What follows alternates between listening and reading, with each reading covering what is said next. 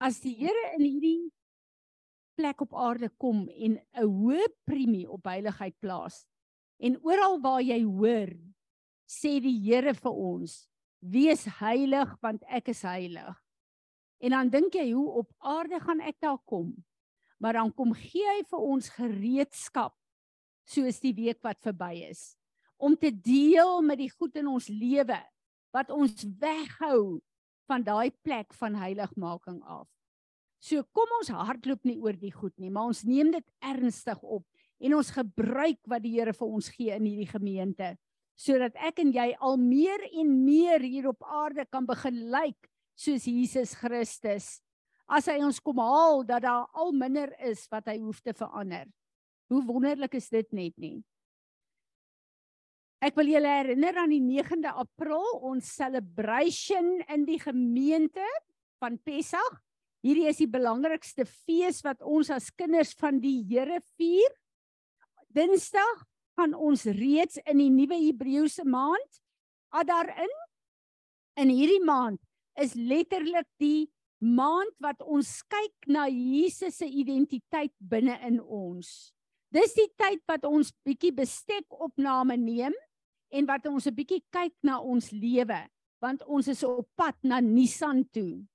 En in Nissan gaan ons die uh dood en die opstanding van Jesus gaan ons vier.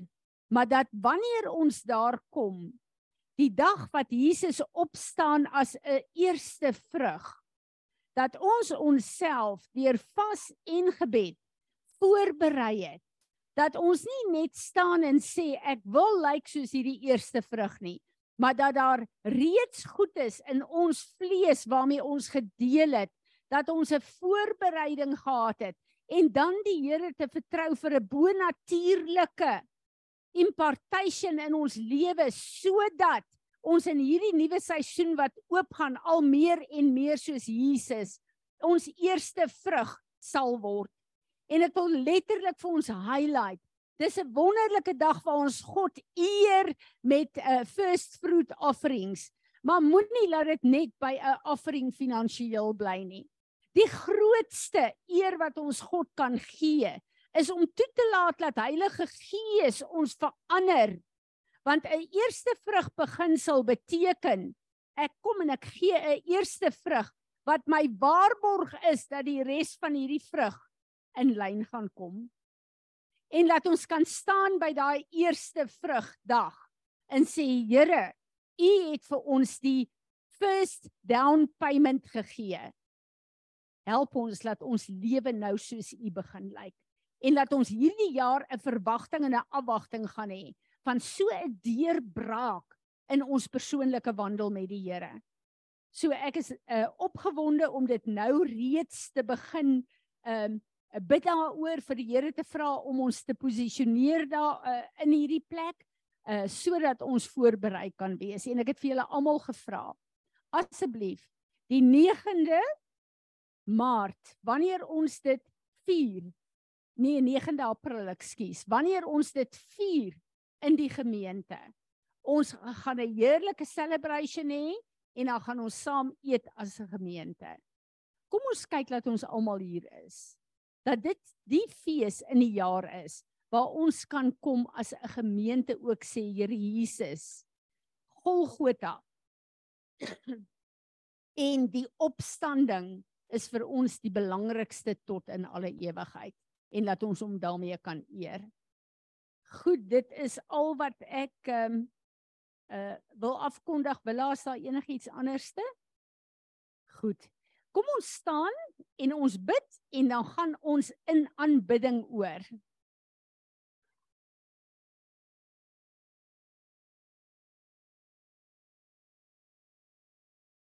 Vader, ons is so opgewonde om hier te kan wees.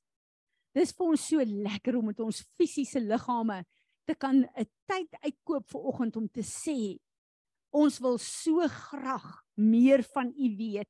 Ons wil u teenwoordigheid ervaar.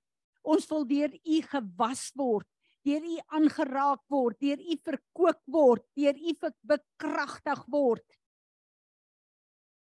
om u naam hier op aarde te verheerlik, nie met dit wat ons nou gaan sing alleen nie, maar met ons hele lewe. En daarom Gees van God het ons u so nodig. Word vaardig vandag hier in ons midde. Word vaardig vandag hier in ons midde. En help ons om onsself te posisioneer op 'n plek waar u in en deur ons kan vloei sodat my liggaam en my stem in lyn kan kom met die worship in die hemel en dat u die aanbidding gaan kry vir oggend van my maar ook uit hierdie gemeente uit wat u toekom. Want u is die alfa u is die omega u is alles tussenin en uit u tot u is alle dinge. Heilige Gees, ons wil onsself nou net vir 'n oomblik verootmoedig en vir U vra dat U met ons sal werk soos die begeerte van ons Vader is. Sodat ons aanbidding vir oggend alleen op U gefokus sal wees. Gee jouself net 'n minuut of wat en praat met die Here.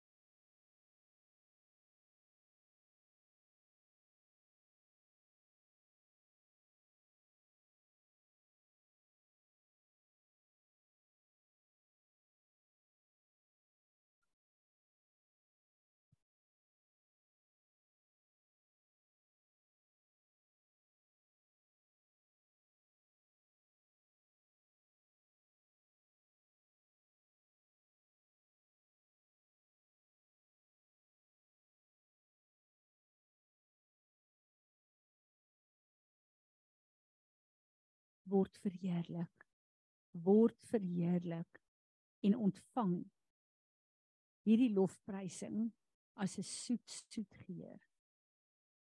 Amen. Kom ons aanbid hom. Dankie.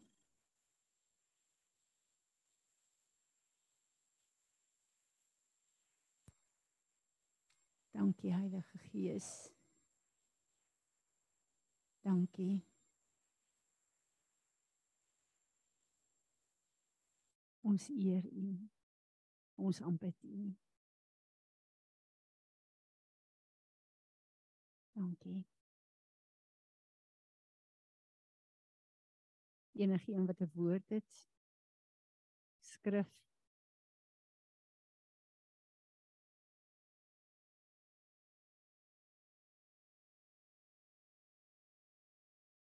Amen. Ek is baie baie opgewonde oor die herlewing wat uitgebreek het by die universiteit in Amerika. Wie van julle lees daarvan sien dit? Dit voel vir my dit is 'n afwagting en 'n verwagting wat ek so lank die Here voor vertrou wat ook hier by ons gaan uitbreek. En ek weet dit gaan Ek is opgewonde om te hoor hoe daar kinders van die Here oor die wêreld afvlieg soontoe om te sien en te ervaar die uitstorting van die Heilige Gees daar. En dan weet ek ons gaan hierdie al meer en meer sien want dis God se belofte vir ons vir die tyd wat ons ingaan. En ek het op 'n tydjie Willa wat so lief is vir die Halleluja liedjies, die ou halleluja liedjies, het ek hierdie hele refrein in my. Ehm um, uh uh ek dink dit was Jesus gaan my nie verby. Daai halleluja liedjie en my verwagting en afwagting is dat die Here ons gaan besoek hier op 'n baie baie spesiale manier wat ons lewens totaal en radikaal gaan verander. Dit voel vir my ehm um, dit is waarvoor hy ons gereed maak. Ehm um, ek wil hê ons moet bid vir die herlewing. Daar is altyd as ons gaan kyk na die verskillende plekke waar die herlewing uitbreek, is die grootste probleem wat dit stop die mense wat die vloei van die Heilige Gees vleeslik probeer namaak en dan onderskei die kinders van die Here dit en dan wil hulle niks meer daarmee te doen hê nie. En dis ongelukkig altyd een van die groot probleme wat ons het met haar erlewing. Ek het net die ervaring ons moet bid en vir die Here vra om hierdie herlewing te beskerm en dat dit regtig waar 'n 'n begin sal wees van 'n hele kringreaksie en ek wil Mariet vir jou vra wat by die universiteit is om vir ons daaroor te bid en wat vir my so lekker is julle hier is nie geleerde mense professore dosente predikante nodig gewees nie hierdie is 'n groep mense wat 'n hart het om te worship en dan kom die Heilige Gees en ontmoet hulle op so 'n kragtige manier. Kom ons bid vir hierdie herlewing dat die Here dit sal beskerm, maar dat dit van krag tot krag sal gaan en dat dit oor hierdie aarde sal begin beweeg. Dankie Mariet.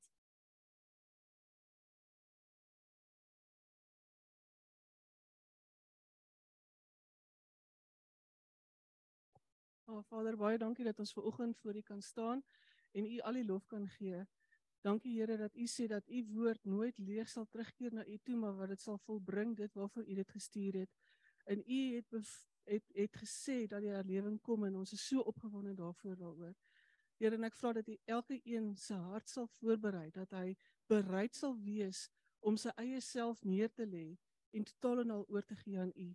Vader, en ek kom nou en ek bind die gees van Kundalini en ek sê jy sal nie die herlewing steel nie. Jy sal nie met 'n vals Heilige Gees vorentoe kom en steel dit wat van God afkom nie, want hierdie is God se. En ons kom lig hulle op voor U Here en ons sê vir U dankie. Dankie dat Heilige Gees dat U elkeen se hart gaan aanraak, dat elkeen van ons ontmoeting met U gaan hê en ons sien met afwagting daarna uit. In Jesus se naam. Amen. Amen. Ek wil graag hê ons moet vir Turkye bid. Uh ek het in die begin kon ek nie bid nie. Ek het net gevoel my emosies, my alles is so oorweldig met wat daar gebeur. Vir alles ek probeer kyk met 'n ma hart. Ehm um, dit was net vir my te veel gewees. Kreer, ek gaan vir jou vra om vir ons te bid vir uh, vir Turkye en vir Sirië. Ehm um, ek wil ook sê dat apostel Natasha hulle 'n groep gaan deur uh, Turkye toe uh om daar te bedien maar ook daar is mense wat haar kontak het en gesê het hulle wil finansiëel bydra vir Turkye en vir die gemeentes daar. As daar van julle is, ons gaan uit ons gemeente uit ehm um, uh, geld oorbetaal vir Ariel Gate. As daar van julle is wat voel julle wil persoonlik ook bydra daartoe, kontak vir Ruben asseblief. En ehm uh, ja, ek ek ek het net gevoel uit ons gemeente uit moet ons ook uh, finansiëel probeer om die nood van daardie mense te verlig. Dankie Kreer. Almagtige God en Hemelse Vader, dankie dat ons na U toe kan kom vanoggend deur U seun wat ons weg is. En dankie dat ons kan kom ehm um, bid vir Turkye en Sirië en die mense daar. Here, ja, ons harte is ehm um, seer en stikkend saam met die mense daar en hulle ervarings en hulle hulle stryd wat wat in die lande aangaan en met die verwoesting en die aardbewings. Vader ehm um, ons gebed is vir oggend dat u gees die mense op die grond sal toefou en dat u die ehm um, die families wat ehm um, geskeur is uitmekaar en wat verliese ervaar het. Here dat U hulle sal toefou en dat hulle U liefde en U vertroosting sal ervaar op 'n bonatuurlike manier wat hulle nog nooit ervaar het nie. Ons bid dat U liefde hulle sal oorweldig ten spyte van hierdie moeilike toestande, Vader. En ons vra dat U ehm um, fondse sal genereer en mense se harte sal oortuig om fondse ehm um, te stuur en reg te administreer na die regte plekke. Toe en ons vra vir mense op grondvlak om te help daar om ehm um, om die die chaos te orden en verligting te bring, Here, en dat hulle in dit U sal sien en U sal vind in dit, Vader. Ons pleit dit en ons vra dat U U hulle sal sal versorg en deur deurbring in hierdie tyd tot eer van U naam. Vra ons dit in Jesus Christus se naam. Amen. Amen. Ek gaan vir Izaan vra om vir ons te bid vir Israel. Ek is so ontstel en kwaad oor wat ons regering gedoen het by die Afrika Unie vergadering in Addis Ababa. Ek dink julle het gesien wat daar gebeur het. Uh Algerië en Suid-Afrika het opgestaan en Israel verban daar en hulle uitgestuur. En ons weet dat ons regering stem saam met die Palestynë. En ons weet dat God sê wie Israel vervloek, sal ek vervloek. Wie Israel seën, sal ek seën. Dis hoekom ons hierdie lieflike verklaring wat uh Izet vir ons gemaak het in hierdie gemeente het omdat ons land nie staan vir Israel op regeringsvlak nie. Is daar gemeentes wat staan en sê ons gehoorsaam God en sy woord en ons wil Israel seën en ons wil bid vir die vrede van Jerusalem. Ek wil hê jy moet die Here vergifnis vra namens Suid-Afrika en kom ons bid en ons seën Israel. Vader God, ek wil vandag vir ons land kom instaan en vergifnis vra. Here, vir wat gebeur het daar waar waar hulle openlik kan kies teen Israel. Here, ons wil kom verklaar dat ons ons is vir Israel. Ons is ons is vir u mense. Ons is dit is u hart en dit is wat u wil hê. Here, vergewe ons en elkeen wat nie weet wat hy doen nie. Here, vergewe ons dat ons lyn reg ingaan teen dit wat u hart en u woord is. Here, en ons kom vandag en ons sê ons staan saam met Israel en ons wil Israel kom seën en ons wil bid vir die vrede in daardie land en ons wil bid vir die vrede van Jerusalem. Here laat daar ook daar 'n um, revival sal kom en die siele oes sal inkom soos wat u hart is. Ons bid dit in Jesus se naam. Amen. Dankie Izaan. Enige een van julle wat nog iets het waaroor julle wil hê ons moet as 'n gemeente bid? Nou ja, dan is dit my voorreg om een van ons jong leiers op te roep vir oggend en uh te hoor wat die gees van God vir ons wil sê en leer. Dankie Piet.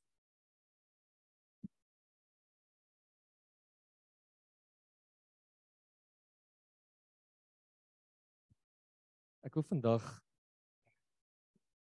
ek dink nie wat ek vandag gaan sê gaan noodwendig vir ons lekker wees nie, maar ek dink nie enigiets wat ons die laaste tyd gehoor het hier in die kerk was vir ons noodwendig lekker geweest nie. Ek het ek meen as ons deur Woensdag gegaan het, Woensdag was nie noodwendig vir ons lekker geweest nie. En die vorige Dinsdag was ook nie noodwendig vir ons lekker nie. En ek wil ek wil begin met 'n skrif dat ons hierdie skrif net in ons agterkoppe hou so wat vandag deur gaan. En is Matteus 11 vers 28 tot 30. Kom na my toe, almal wat vermoeid en belas is, en ek sal julle rus gee. Neem my juk op julle en leer my want ek is sagmoedig en nederig van hart en julle sal rus vind vir julle siele want my juk is sag en my las is lig Ek wil dit weer vir julle lees, julle dit mooi hoor. Kom na my toe, almal wat vermoeid en belas is. Ek sal julle rus gee. Neem my juk op my juk op julle en leer my, want ek is sagmoedig en nederig van hart en julle sal rus vind vir julle siele want my juk is sag en my las is lig. Nou dit klink amper asof dit moeilik versoen met wat ons met wat ons Woensdag gehoor het. Want Woensdag was nie vir ons lekker geweest om te hoor wat jy weet wat in ons aangaan en en hoe ons lewens lyk nie en baie van die goed wat ek vandag gaan sê genootwendig ook nie vir ons lekker wees nie. Maar hoe versoen dit met hierdie skrif?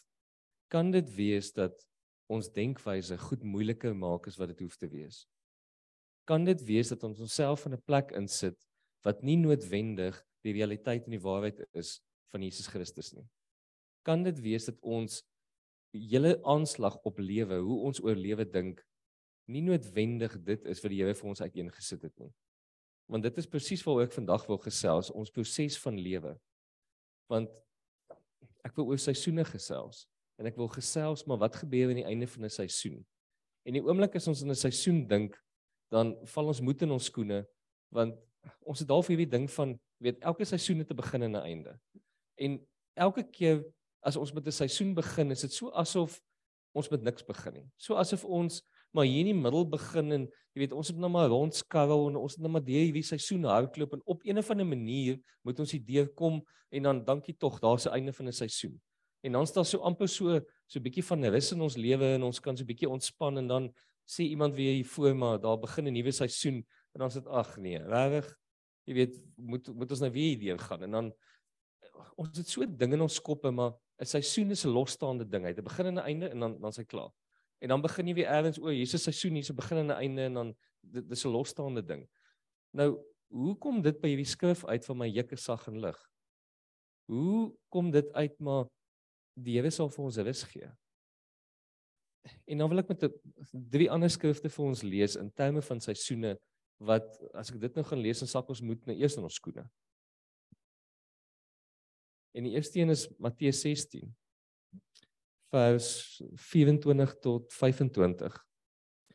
Toe sê Jesus vir sy sy disippels: As iemand agter my wil aankom, moet hy homself verloon en sy kruis opneem en my volg.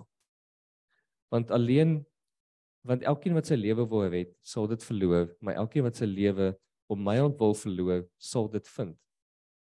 En onmiddellik klink dit vir ons na verskriklike werk en dit blaas ons breine en ons weet nie wat om hiermee te maak nie. En nou wil ek na Romeine 12 vers 1 tot 2 toe gaan. Ek vermaan julle dan broeders by die ontferming van God dat julle julle liggame stel as 'n lewendige, heilige en aan God welgevallige offer. Dit is julle redelike godsdiens en word nie in die wêreld gelykvormig nie, maar maar word verander deur die vernuwing van julle gemoed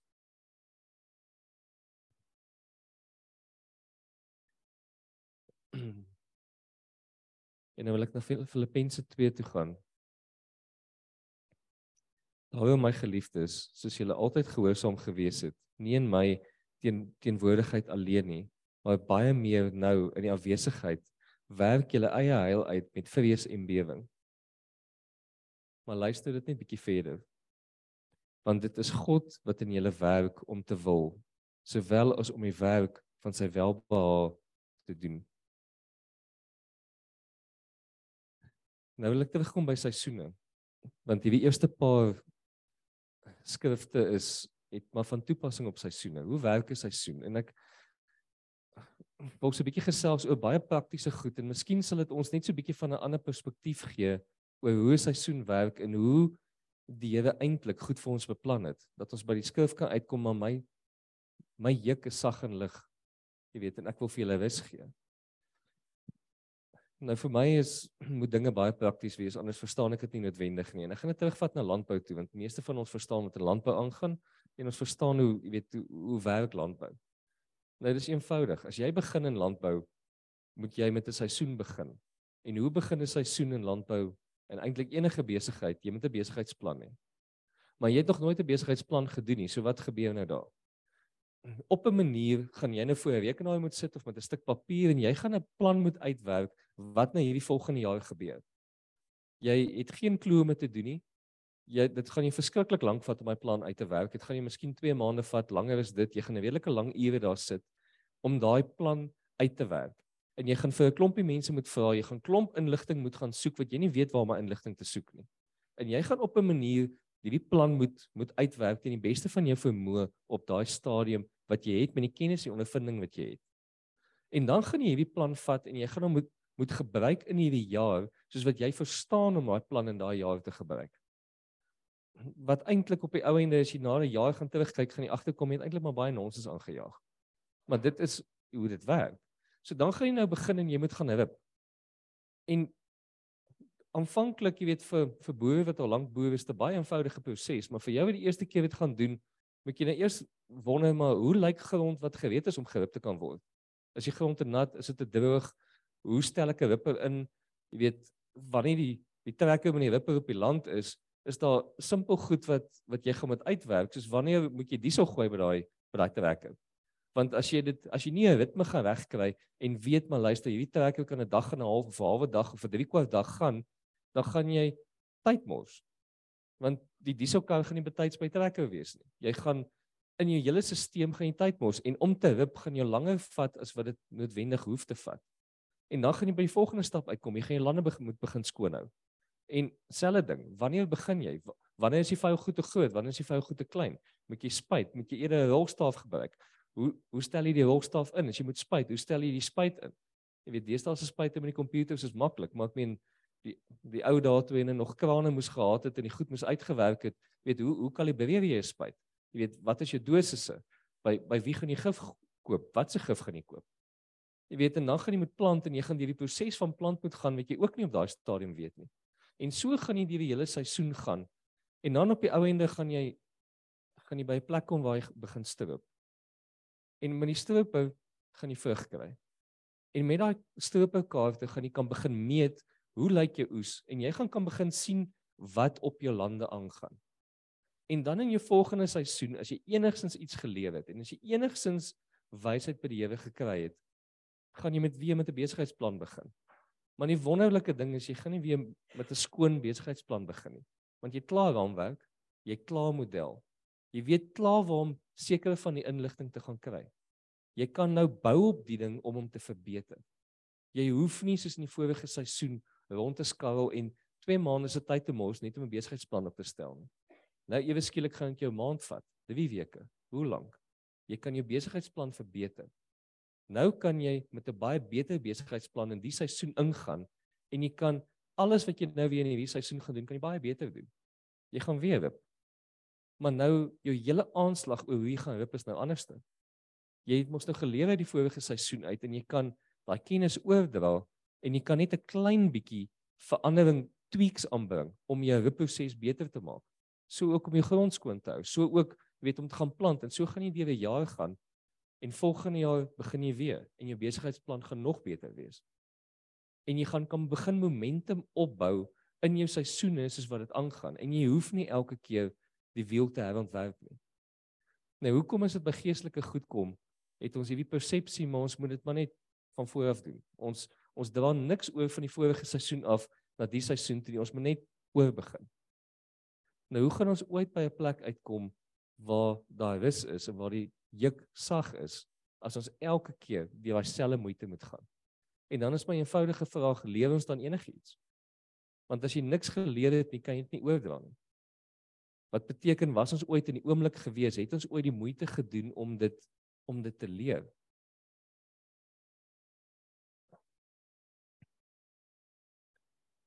Ek meen ons almal weet ons is nou in 'n seisoen van jy weet duidelik genesing. Die Here vat ons vat ons hierdeur. Nou genesing is 'n proses. Maar wat is die uiteinde van hierdie proses? Die vrug wat ons gaan dra is selfbeheersing. Ek meen kom ons vat maar net woede. Ons is in die proses om om woede deur te gaan. Maar dit gaan vir ons 'n vrug oplewer van selfbeheersing. En daai vrug van selfbeheersing gaan ons moet uitloop elke dag. Ons gaan elke dag die keuse moet maak om hierdie selfbeheersing in ons lewe toe te pas wat beteken dit gaan al hoe makliker word om woede te oorkom. In die eerste die eerste stuk gaan moeilik wees. Dis nie asof dit net uit die lug uit gaan val nie.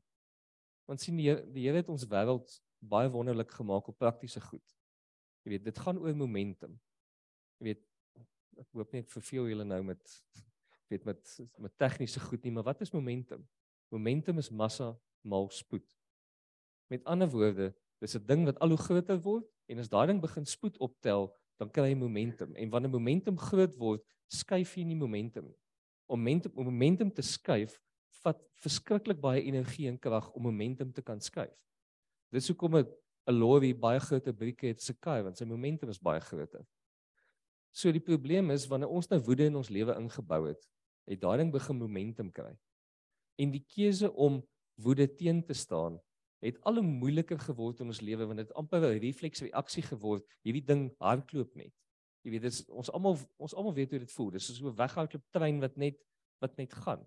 Dis omdat daai momentum in ons lewe ingebou is. Maar wanneer ons dit begin teenstaan met energie, begin ons daai momentum afbeweeg. En op 'n stadium gaan selfbeheersing 'n vrug wees in ons lewe. En as ons in daai momentum 'n klein bietjie inbou elke dag, gaan daai ding al hoe groter word. En dit is hoe die proses van moment, jy weet, van selfbeheersing dan ons lewe gaan wees. Op 'n stadium gaan dit bietjie energie wees om die besluit te maak en jy gaan nie die besluit maar net maak. Dit gaan maar net gebeur in jou lewe. Dit gaan nie meer so moeilike ding wees, jy weet, om teen jy weet om teen woede byvoorbeeld teen te staan nie. En verslawings is presies dieselfde. Ons almal het een of ander verslawing. Ons almal moet op een of ander plek selfbeheersing toepas met een of ander verslawing in ons lewens. En dis presies dieselfde. Ongelukkig het het ons aan die verkeerde kant toe gegaan en die momentum van van verslawing in ons lewens ingebou. Maar wanneer ons selfbeheersing, die vrug van selfbeheersing kry, gaan die ding presies na die ander kant toe. Dit word net dit word net al hoe makliker. Ja, dit die keuse gaan el, altyd daar bly. Jy gaan nooit by die punt kan uitkom waar jy agteroor sit en net sê maar dit dit gaan maar net gebeur nie. Jy weet om nou na seisoene toe terug te gaan en ek dink dit is een van die plekke waar ons osself ernstig kniehalter met seisoene hoekom goed nie oorgedra word van een jaar na die volgende jaar toe nie. Want sien die probleem is as jy nou al die goed onder die knie het en jy en jy het nou in jou boerdery al jou stelsels mooi lekker uitgewerk en jy jou, jou masjien is lekker geolie. Jy weet en alles werk 100%.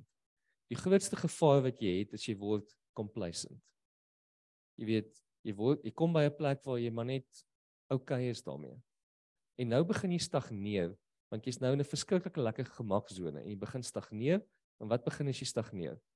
Jy begin eintlik agteruit gaan en goed begin doodgaan. En hoekom gebeur dit? Want hoe lyk daai proses? Wanneer jy begin stagneer, al wat gaan gebeur is wanneer jy jou besigheidsplan moet doen, wanneer jy beplanning vir die jaar moet doen, gaan jy dit net okay doen. Jy gaan dit nie weer so goed en so deeglik die vorige jaar doen nie, want jy dink maar jy het dit mos nou. Dit is okay. Jy jy het eintlik al die ondervinding, jy het nie eintlik regtig meer nodig om jou beplanning so ordentlik te doen nie. So jy gaan dit jy gaan dit doen en dit gaan okay wees want en dit gaan nie eens lyk like vir jou of jy het swakker gedoen as die vorige jaar nie want jy weet jou raamwerk is so goed, al jou inligting wat daarin is is so goed dat eintlik kan jy dit maar net ag jy gaan maar net so deur en dan ag is okay. En dan gaan jy maar net aan.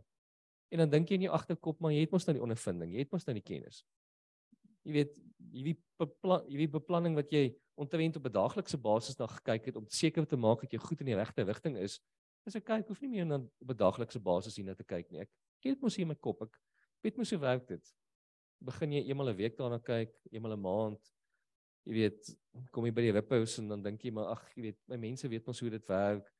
Ag, jy weet, maak dit nou saak dat die jy weet wat is 3 mm nou? Ag, jy weet, kom ons gaan maar net aan. Die grond is mos okay, jy weet, ag, jy weet, En so gaan jy aan en dan wanneer jy oes, is jy oes 'n klein bietjie kleiner. Jy gaan dit dalk nie eens agterkom dat jy oes kleiner is nie. En dan gaan jy na die volgende jaar toe en jy gaan dit weer op dieselfde manier doen. En jy gaan nie eens agterkom dat jy die jaar nog 'n bietjie slegter doen as die vorige jaar nie.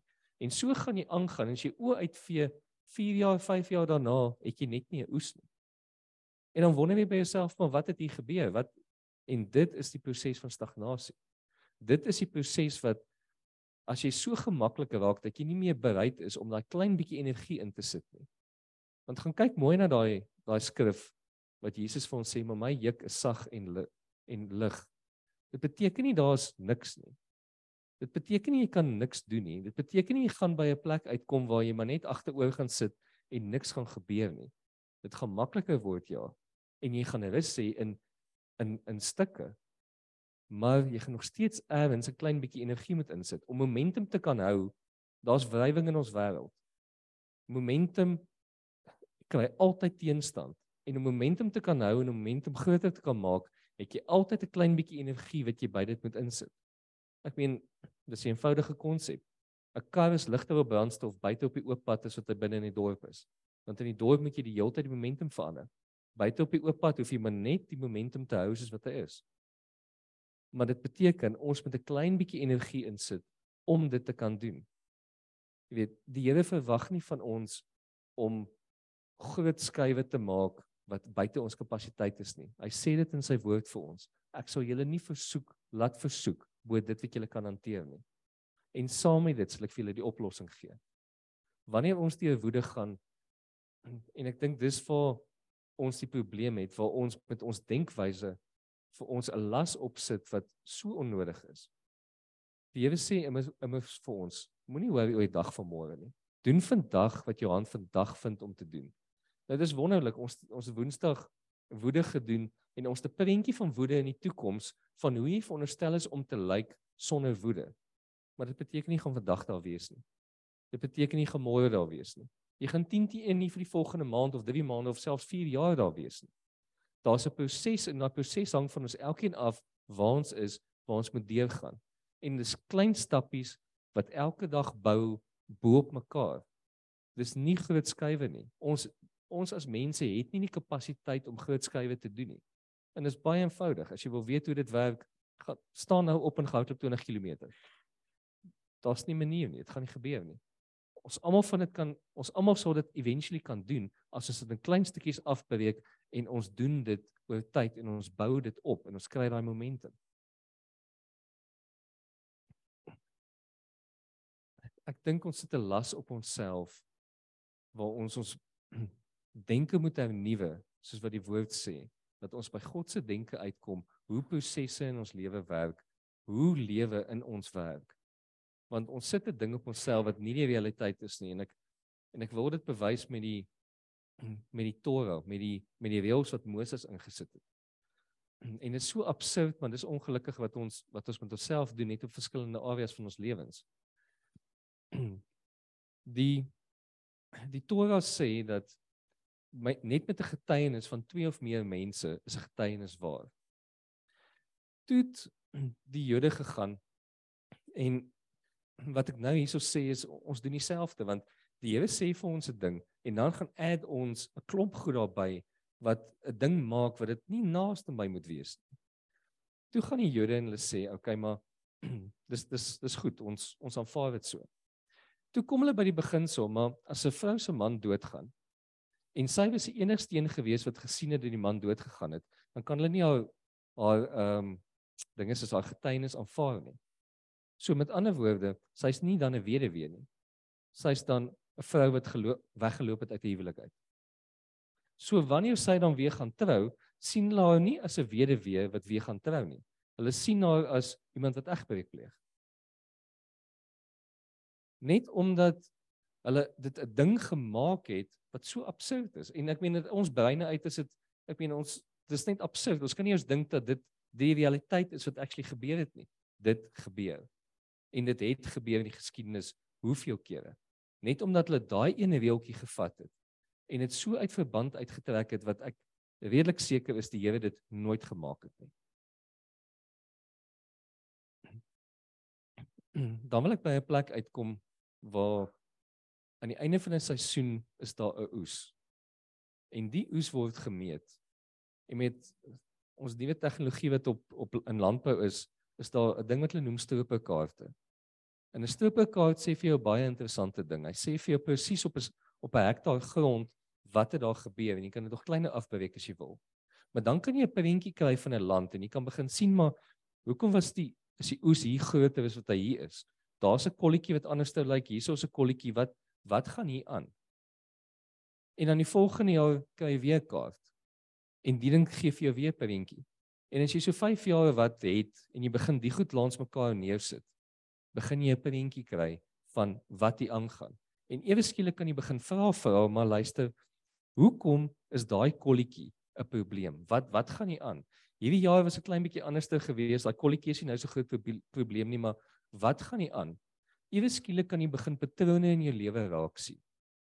En dan kan jy experts inkry, so Tanya wat vir jou sê, luister, hier is hoe woede werk. En dan kan jy na jou eie lewe begin kyk en jy kan sien maar luister, Hier is areas wat my trigger. Hier is plekke waar waar ek 'n probleem het. En dan kan jy in daai areas begin werk om jou totale oes te verbeter.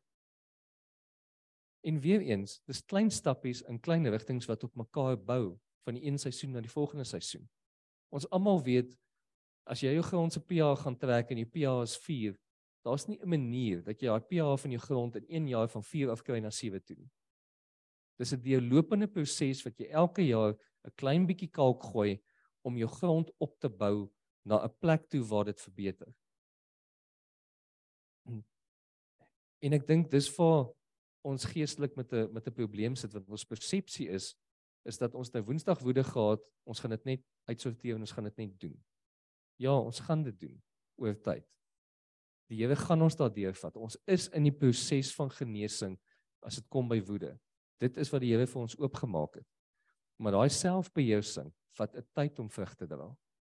Daar is nie 'n plant in hierdie wêreld wat jy nou plant en oor 'n week het hy vrug nie. Dit gebeur nie. Dis nie hoe die Here hierdie wêreld gemaak het nie. Elke ding het 'n seisoen wat deur hy gaan. Elke ding het 'n spesifieke tyd wat nodig is sodat die vrug kan kom, sodat daar vrug kan wees. En dan wil ek by die volgende punt uitkom wat ek dink ons baie keer oorhouklip in terme van vrugte. As daar vrug in jou lewe is, wat beteken dit? Want ongelukkig is daar 'n proses van oes. Oes beteken jy moet iets met daai vrug gaan doen. Jy kan nie net die vrug los nie. Jy weet wanneer daar oes op die lande is, daar kom op 'n stadium dat jy fisies daai daai vrug moet gaan afhaal. Ja, ek kan 'n ruk daarna kyk en dit gaan baie mooi wees en dit gaan baie lekker wees om terug te staan en te sien maar joh, hier het uit alles wat gebeur het, die hele proses wat ons deur gegaan het, kyk net hierdie oes. Maar daai oes beteken vir jou absoluut niks as jy hom net daar los nie. As jy daai oes nie gaan afhaal nie, gaan daai ding maar net vult en jou volgende seisoen gaan verskriklik moeilik wees want as jy daai oes nie gevat het en iets met hom gaan doen het sodat hy in jou volgende seisoen ingaan nie, gaan jy met 'n redelike probleem sit as 'n boer. Daar's 'n plek waar jy moet oes, waar jy fisies hierdie vrug moet afhaal. Maar as jy die vrug afgehaal het, is daar 'n klompie goed wat jy met die ding moet doen. Ek meen, daai vrug moet gestoor word. Daai vrug moet geberre word. Daai vrug moet 'n lewe kry en daai vrug moet verkoop word sodat jy die die vrug in jou volgende seisoen kan inbou. As jy dit nie gaan doen nie, jy hoef nie daaroor te wonder nie, jou volgende seisoen gaan moeilik wees. Is dit een van die redes hoekom dinge vir ons so moeilik raak? Is dit nie een van die redes hoekom ons goed in tydswit aangaan nie makliker word nie? Want sien as mens na 'n vrugteboom toe gaan, 'n vrugteboom is baie interessant. Wanneer jy vrugte het in 'n vrugteboom vir 'n tydjie, kan jy daarna kyk en die vrugte is verskriklik mooi. Jy kan selfs een afhaal en, en hom eet. Maar as jy nie baie vinnig daai vrugte gaan afhaal nie, gaan daai goed vrot. En wat gebeur as daai goed vrot? dis dis eintlik baie interessant van 'n vrugteboom dat daar's 'n kort tydjie wat jy daai vrugte kan afpluk. As jy dit nie doen in daai tyd nie, dan belemmer jy die boom se seisoen in die volgende jaar om te kan vrugte dra. Hy dra nie so goed vrug in die volgende jaar nie jy jy jy verander sy stelsels hoe hoe hy intern werk en hoe hy sy seisoen afsluit en hoe hy na die volgende seisoen toe gaan werk net nie. En wat dan gebeur is as hy in die volgende seisoen kom, is sy vrugte nie meer so goed en so oulik nie. Maak nie saak of jy hom die beste kunsmis gegee het onder die son wat jy met hom gemaak het nie. As jy hom nie in tyd geoes het nie, werk sy vrugte die volgende jaar nie lekker nie. En as jy dit bly doen, begin die boom al hoe minder vrug dra en éventueel sal die boom ophou om vrugte te dra. En jy sien dit baie vinnig met sitrusbome. As jy 'n sitrusboom veral suurlemoene wat meeste mense nie eintlik pluk nie. As jy dit bly doen, gaan die boom al hoe minder suurlemoene begin dra op 'n stadium gaan hy dit net nie meer doen nie. En wat jy nou gedoen het is jy die momentum ingebou in die verkeerde rigting. En nou om daai boom te red, wat verskriklik baie energie en tyd om weer goed in hom in te bou sodat sy stelsels weer regkom sodat hy weer in die regte rigting begin ingaan.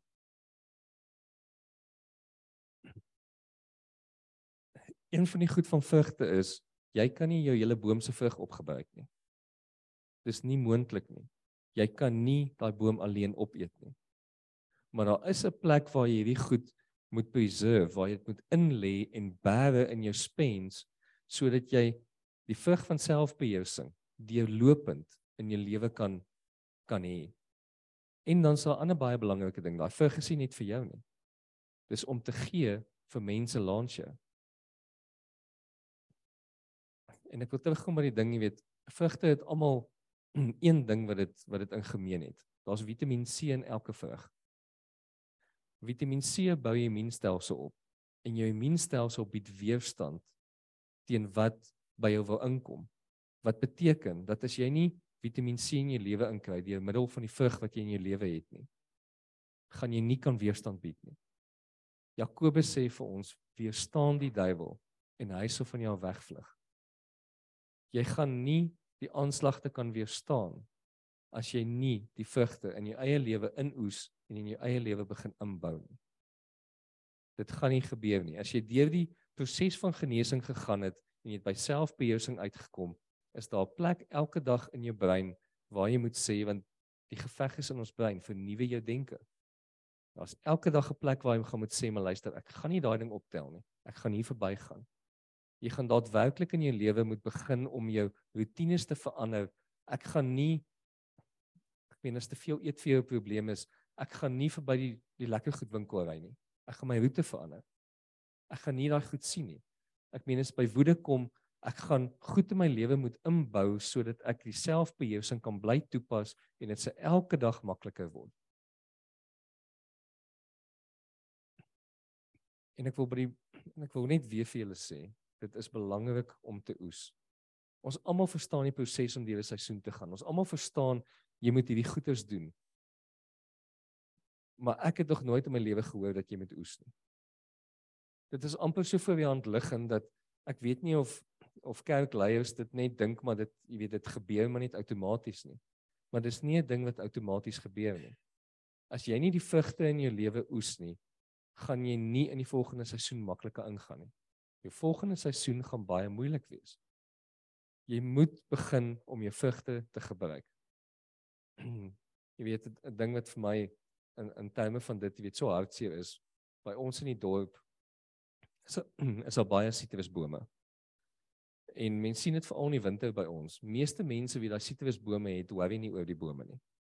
Hulle hulle stel nie eintlik be belang in die vrugte nie. Hulle eet nie vrugte nie. Ek weet nie hoekom nie, maar dan ry jy deur die winter in Wesselsbronne rond en jy sien al die lemoene, jy sien die nartjies, jy sien die suurlemoene, jy sien die pomeloes en alles is net daar.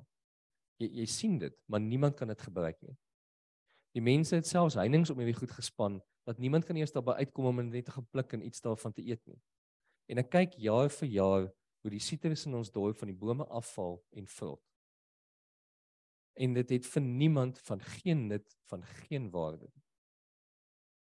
Die Here het nie beplan dat ons vrug moet dra en dat dit net van ons moet afval en geen effek in die, omge die omgewing rondom ons het nie. En ek wil na Galasiërs na Galasiërs 5 toe gaan en ek wil vir ons lees wat die vrugte van die Gees is Mm, en dit kry.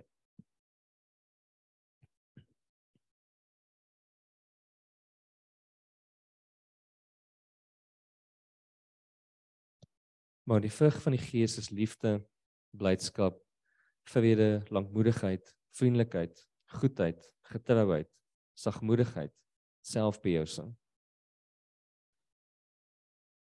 Ons gaan nie daai vrugte kry as ons nie in elke seisoen dieper ingaan in die prosesse wat die Here ons deurvat nie. Dit gaan dieselfde prosesse wees jaar in en jaar uit. Maar ons gaan moet bereid wees om dieper in daai plekke in te gaan. En as ons eers in by 'n plek uit gaan kom waar ons gaan agteroor sit en ons gaan dink maar jy weet ons hoef nie meer jy weet ons het nou hierdie goed onder die knie. Ons hoef nie meer in te werk nie. En in te werk beteken nie jy moet jou heel dag noodwendig aan dit spandeer nie. Dit gaan ergens baie min tyd en baie min energie vat om in dit te wees. Maar as jy dit nie gaan doen nie, gaan jy by 'n plek uitkom waar hierdie goed gaan begin doodgaan. Ek het die laaste tyd het ek 'n baie interessante woord geleer. Die Engelse noem dit 'n perishable skill. En dit beteken ons mense is so mekaar gesit. Enige iets wat jy nie doen nie, verloor jy. As jy nie meer gaan hardloop nie, gaan jy die vermoë verloor om te kan hardloop. As jy nie meer gaan skryf nie, gaan jy die vermoë verloor om te kan skryf. Ja, jy sal nog steeds 'n A kan maak en 'n B kan maak. Maar jy gaan nie 'n bladsy deur skryf sonder met jou hand gaan pyn nie. Jy gaan die vermoë verloor om 'n ordentlike bladsy lank te skryf. Jy gaan dit verloor. As jy nie gereeld lees nie, jy verloor die vermoë om te kan lees.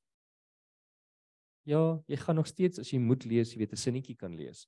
Maar gaan probeer 'n boek deur lees. Hoekom lees ons nie meer boeke deur nie? Dis eenvoudig. Ons het daai vermoë begin verloor in ons lewens om te kan lees. En dit geld vir enigiets. En ons moet versigtig wees wat in ons lewe hou ons mee op. Maar hier is die wonderlike ding. As ons ophou met woede, gaan jy dit ook verloor. As jy ophou met met met jou verslawing, gaan jy dit ook verloor. Dit gaan net verdwyn. Daar's 'n klein tydjie wat jy gaan moet weerstand bied daarteen en dit gaan verdwyn. Want alles in ons lewe is 'n perishable skill. Ons verstaan baie mooi die negatiewe kant van goed, maar ons sien dit nie in die positiewe kant raak nie. En dan kan ons nooit by die skrif uitkom maar my juk is sag en lig nie want ons is so gefokus oor hoe moeilik dit is in die negatiewe kant, maar dis die wonderlike ding daarvan dat as ons 'n klein bietjie gaan weerstand bied na die ander kant toe, gaan dit net so maklik en so goed aan die ander kant wees. Ek wil vir ons 'n ding lees hier in die einde wat ons elke Sondag hoor. En ek wil vir julle iets uitleeg uitlig met die priestly blessing.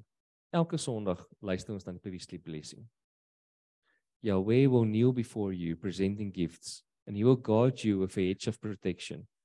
Yahweh will illuminate the wholeness of his being towards you, bringing order, and he will provide you with love, sustenance, and friendship. Yahweh will lift up the wholeness of his being and look upon you, and he will set in place all you need to be whole and complete.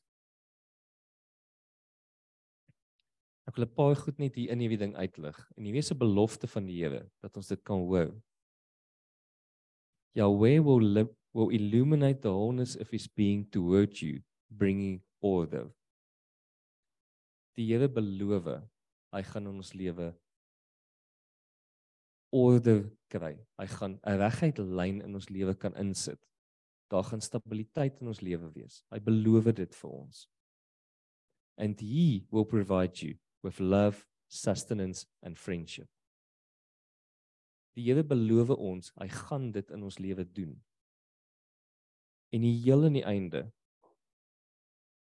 He will set in place all you need to be whole and complete. Die Here beloof dit vir ons. Hy gaan dit doen. Hy gaan dit bewerk. As ons ons deel doen, hy sal dit in ons lewens insit.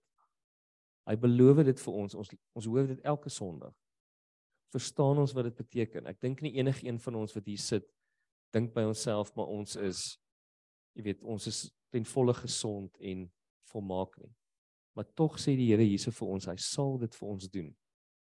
Mits ons deur die prosesse gaan en bly bou, gaan ons dieper in die Here ingaan. En as ons dieper bly ingaan, dis ons keuse om dieper in te gaan. Word hierdie goed al hoe makliker al die goed in ons lewe wat ons dan gaan teenstaan, gaan verdwyn. Die Here beloof dit vir ons. Ons verstaan dit so goed want ons hele lewe, die hele wêreld is so gebou. 'n Ding wat nie gebruik word nie, gaan dood. Hy gaan hy gaan daarmee heen. Dit geld vir ons sonde ook. Die Here, hoekom kan die Here vir ons sê gaan in sondig nie meer nie? Wees heilig want ek is heilig. Want dit is maklik as jy Wel, ons weet dit is nie so maklik nie, maar as jy dit begin teenstaan, as jy dit minder en minder begin doen, begin dit uit jou lewe uit verdwyn. Ons moet net die moed hê om saam met die Here te begin werk en in sy pad te loop. En ons moet ophou met hierdie mindset van ons dat ons hoor maar ons moet ons denke hernuwe. Ons hoor ons moet ons eie heil uitwerk met vrees en bewering daagliks. Ons moet ons kruis opneem daagliks. Ons het dit so groot ding in ons koppe gemaak dat ons nie eers meer die moed het om dit te probeer nie. Dit is vir ons so groot ding dat dit ons persepsie van lewe dat dit ons so oorweldig dat ons nie eers daaraan dink nie ons, ons gaan maar net aan. En deur maar net aan te gaan en nie eers te probeer om hierdie goedes 'n klein bietjie te doen nie, is ons besig om slegte momente in ons lewe in te bou. So ek wil eintlik net vandag vir julle moed sê met al die goed wat ons die laaste tyd hoor wat nie noodwendig vir ons lekker is nie. Dit hoef nie so groot ding te wees nie. Die Here sou dit nie vir ons gegee het as ons dit nie kan doen nie. En dan moet ons mooi by hom gaan hoor, maar wat se stukkie moet ek vandag doen? Die Here sê baie duidelik vir ons, moet jy nie bekommer oor die dag van môre nie. Doen vandag jou gedeelte. En wat dit ook al beteken met ons genesing, wat dit ook al beteken met jou woede, wat dit ook al beteken met watse ding die Here op hierdie stadium met jou besig is om deur te gaan, doen vandag jou gedeelte. En as jy vandag jou gedeelte doen en vandag gaan dit nie noodwendig die maklikste ding onder die son wees nie maar môre sal dit 'n bietjie makliker wees. En as ons dit elke dag gaan uitloop, word hierdie goed op 'n stadium wat ons by die skrif kan uitkom, maar my juk is sag en lig. En ons kan ek meen een van die vrugte van die gees is, jy weet, is vrede en vriendelikheid. Jy weet om opgewek te wees. Jy weet, ons gaan daarby uitkom. Die Here beloof dit vir ons. Ons moet net elke dag 'n stukkie loop en dan kan ons dit werklik doen en dit werklik sê dis wat ek vandag by julle wil ek hoop nie ek julle verveel nie maar dit is ek by julle wil los Here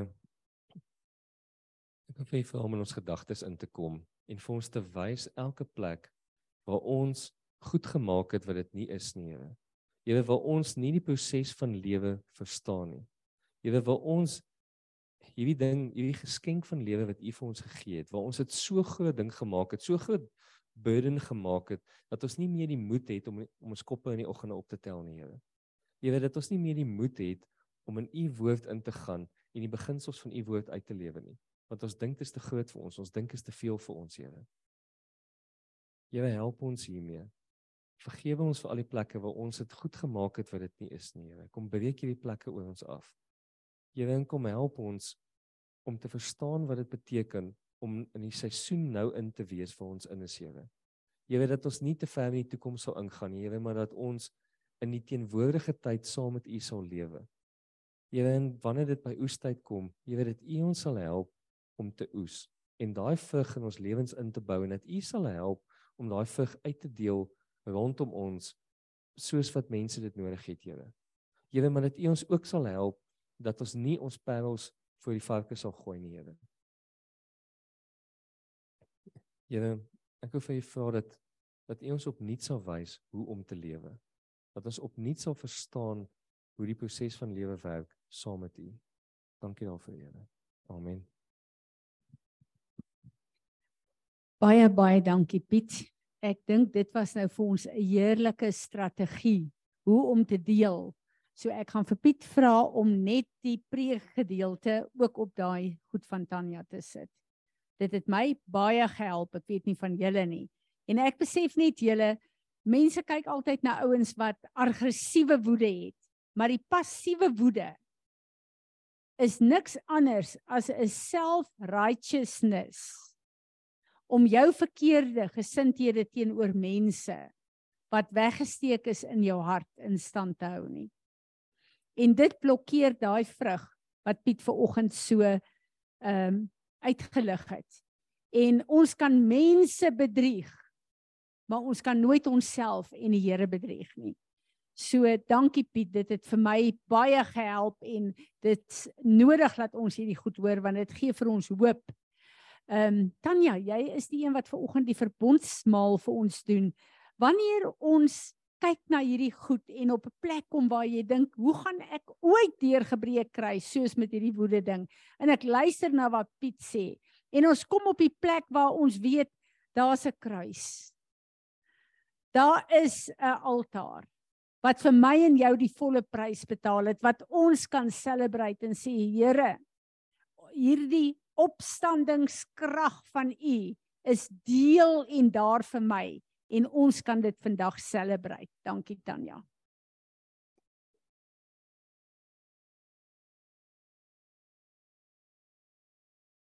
Dit lyk erger as wat dit is. hierdie baie boeke. Ek sit loop hierdie week met 'n vraag in my hart van wat beteken dit om in die gesag en die autoriteit van Jesus Christus te leef? En wat beteken dit om Heilige Gees so te quench? Wat beteken dit? Ek loop met hierdie twee vrae in my hart. Ek sit by 'n vrou in die week by haar en sy sê vir my, "Wie ek is so condemned. Ek is so broken voor die Here. hoe sal ek selfs in sy troonkamer kan ingaan? En sy sê sy word stil by die Here en die Here sê vir haar, kom deur die bloed. Net deur die bloed sal jy kan inkom. Ek wil vinnig vir julle vertel en dit sluit so aan by Piet se ding. En dis ook 'n eina wat ek met julle deel wat ek dink ons op 'n daaglikse basis doen waar ons Heilige Gees quench is met ons tonge. Ons besef nie dat almal in seisoene is nie. Ek gaan kuier by 'n vrou en sy sy sê vir my verskoon ek stink 'n bietjie sy het buite gewerk en ek sien net haar naal kleur. En ek sê jy stink nie maar jou naels is snaaks want dis 'n vreemde kleur. En uh, sy lag en sy sê nee wat sy stink meer as wat die naels vuil 'n uh, uh, vreemde kleur is. Ek wil nou nie eers die kleur sê nie. En het ons in die huis kom en gesels ek ek bieg vandag by julle. Ek het dit 2 of 3 keer attent gemaak vir hierdie vrou oor haar naels vir my 'n vreemde kleur is. Haar man kom in en sê, "Sjoe, maar jy stink." Ek sê, "Nee, sy stink nie, haar naels is snaaks." So nog 'n keer, nê. Nee. Daai volgende oggend toe ek uit die stort uit kom, kon Wik Heilige Gees my sê vir my, "Jy het jou opinie oor daai vrou se naels meer as 3 keer vir haar gesê. Wie het jou opinie gevra?" En ek besef ek moet repent. Ek moet daai vrou kontak en sê, "Weet jy wat? Ek het buite my aard opgetree want in my hart is dit nie die bedoeling nie." En hierdie vrou nog voor ek met haar kan repent, stuur sy vir my 'n boodskap en sy sê, "Jy sal nie glo nie van dat jy gister hier was. Stoei ek met my identiteit. Want hierdie is wie ek is." Sy sê vanoggend ook opstaan, vat sy aan 7 of 8 items in haar huis wat dieselfde kleur as haar naels is en die Here sê vir so nou wie wil jy luister? Die opinie van 'n ander mens of wil jy glo wat God van jou sê? En ek bely en ek repent, ek sê vir weet wat die Here oortuig my vanoggend, ek is verkeerd. Ek sê vanoggend vir Fanie, hoe vinnig is ons om 'n opinie te gee as dit nie gevra is nie? Hoe vinnig kan ons luister as iemand anders na jou toe kom en 'n opinie van iemand anders gee en jy korrigeer hom nie en jy sê vir hom weet jy wat dit is nie wat die Here van ons vra nie as dit nie jou jou reg is op opinie nie jy hoor so ek moes dit nou net met julle deel want dit is deel van die condemnation wat die vraag is kan ons soos Piet sê Hoor wat sê die Here hier in 1 Petrus for his divine power has bestowed on us everything necessary for life and godliness through true and personal knowledge of Him who called us by His own glory and excellence. As jy verder aan lees staan hierso en for this very reason applying your diligence every effort in you for your faith to develop more excellence in moral excellence and knowledge and in your knowledge self-control and in your self-control steadfastness, and in your steadfastness, godliness, and in your godliness, brotherly affection. And then, then love, seek the best for others and do things for their benefits. For as these qualities are yours and increasing in you as you grow towards spiritually maturity, they will keep you from being useless and unproductive in regard should, uh, in regard to the true knowledge and greater understanding of our Lord Jesus Christ. En dan kom dit daarop neer dat ons kan net in die koninkryk van God ingaan deur die bloed van Jesus Christus om dit aan te wend, maar om deur die proses te gaan. For I am continually renewed in the spirit of my mind. Efesiërs 4. Having a fresh untarnished mental and spiritual attitude I put on the new self, the regenerated and renewed nature created in God's image. In the righteousness and the holiness of the truth, I live in a way that expresses to God my gratitude for salvation. So dit gaan regtig oor wie jy is in Jesus Christus. Wat maak sy bloed jou? Want deurdat jy weet wie God is, gaan jy in sy gesag en autoriteit kan leef as jy weet ook wie jy is in Jesus Christus. Maar hier's die ding. Die Here roep ons op om 'n Josua generasie te wees, to have a different spirit. Die waarheid is dat ons verblind word deur rebellie in ons siele. Want dit is wat Piet gesê het. Ons moet elke dag se ding opneem, soos wanneer Heilige Gees kom en sê jy het daai vrou seer gemaak om te kan sê Here, kom ondersoek my siel. Hier's 'n plek waar ek die audacity het om te dink ek kan my opinie gee vir 'n ander mens se lewe. En hier staan Dit is God se dat ons ons sal onderwerp aan hom en dit beteken elke dag se opoffer en afsnyding want die geveg is in ons siele. Ons het die wapens wat God vir ons gee. Sy swaard is 'n wapen, sy bloed is 'n wapen, aanbidding is 'n wapen, sy naam is 'n na, is 'n wapen en gebed is 'n wapen. En weet net Vergewensgesindheid, seën, belydenis en nederigheid is almal wapens omdat hulle koninkryks beginsels is wat ons help om te veg teen die vyand wat ons siel wil vergiftig. Dit ons wat gewillig is om onverskrokke en dapper soos Josua op te staan en ons siele te ondersoek vir hierdie vestings van die vyand en binne jouself daarteenoor te veg sodat jy dit kan oor, oorkom en oorwin, kan ons dit net doen as ons dit na die bloed van die kruis toe vat om alles wat in ons lewens verkeerd is deur die bloed van die lam te trek. Want dit is God se opdrag. You go be Jesus to the world. En jy kan dit net doen as jy elke plek in jou lewe wat uit lyn uit is deur die bloed van die lam bring. Kom ons bid. Aba Vader, wanneer ons vandag voor U kom, kom ons in humbleness. Vader, dankie dat ons nie kondem hoef te wees nie. Gees van God, dankie dat U werksaam is in ons lewens. Dankie dat ons seisoene in ons lewe het wat ons opbou om sodoende in die gesag en die autoriteit van ons God te kan staan om deur die bloed van die lam verklaringe en dekrees te maak in hierdie wêreld, Vader, soos dit U behaag. Vader, ons loof U en ons prys U vir U oneindige liefde. Dankie dat Heilige Gees dat ons kan oorgee aan U en vra dat U in elke plek van ons lewens, elke plek in ons siele waar U vir ons kom wys, ook in hierdie week wat voorlê, dat ons elke ding sal opneem en dat ons hierdie geveg sal veg omdat die krag van Jesus Christus ons sterkte is. Dankie dat ons U kan loof vandag vir hierdie hierdie broodjie en hierdie wyn wat ons kan kan oplig en Jesus Christus u naam kan verhoog want aan u behoort al die glorie, al die eer, al die rykdom. Ons loof u vir elke druppel bloed wat u vir elke volk, nasie en taal gestort het in hierdie wêreld. En ons gee vir u al die lof en eer daarvoor in Jesus se naam. Amen. Dis my so lekker om op 'n Sondag saam met julle in die teenwoordigheid van die Here te wees en dis een van my hoogtepunte van die week. Ehm um, Heilige Gees sê vir Natasha iets wat ek dink wat ons almal gaan kan help saam met dit wat Piet vandag vir ons gesê het. Ek dink ek gaan weer so 'n bietjie luister na wat hy uh, gesê het want eh, 'n uh, mens kom baie keer so op 'n plek waar jy ehm um, sukkel om te deel met die goed omdat jy dink jy moet dit nou onmiddellik afgehandel kry en nou daarmee deel en dat jy nie geduld met jouself het nie. Hoor wat sê die Heilige Gees vir Natasha. Mens gaan baie keer hier goed in jou lewe. Jy weet ek kyk deur my lewe wat jy deurstap en slegte goed gebeur met jou. Maar die vyand kom en hy vertel 'n leuen. Hy sê vir jou, weet jy wat, jy's 'n kind van die Here.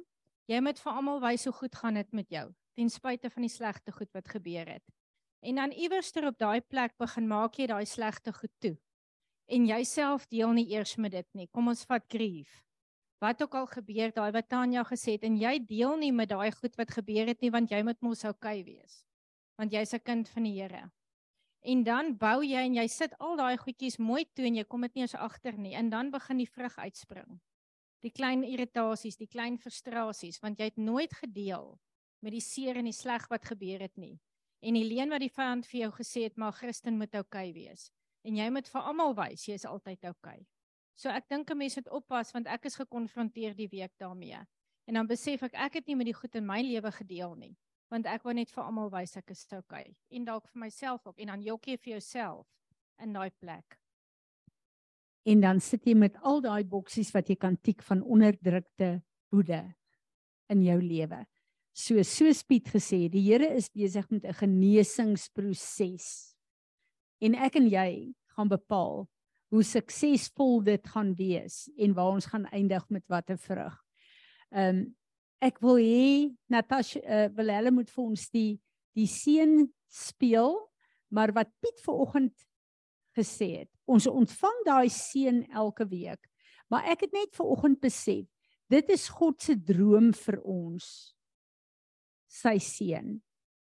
Maar ek en jy kies hoe posisioneer ons ons om te ontvang dit wat hy graag sê en uitspreek daar. Ek en jy se posisie en se keuses bepaal of Vader se droom en sy seun in hierdie week my deel gaan wees. Amen. Kom ons staan en ontvang dit.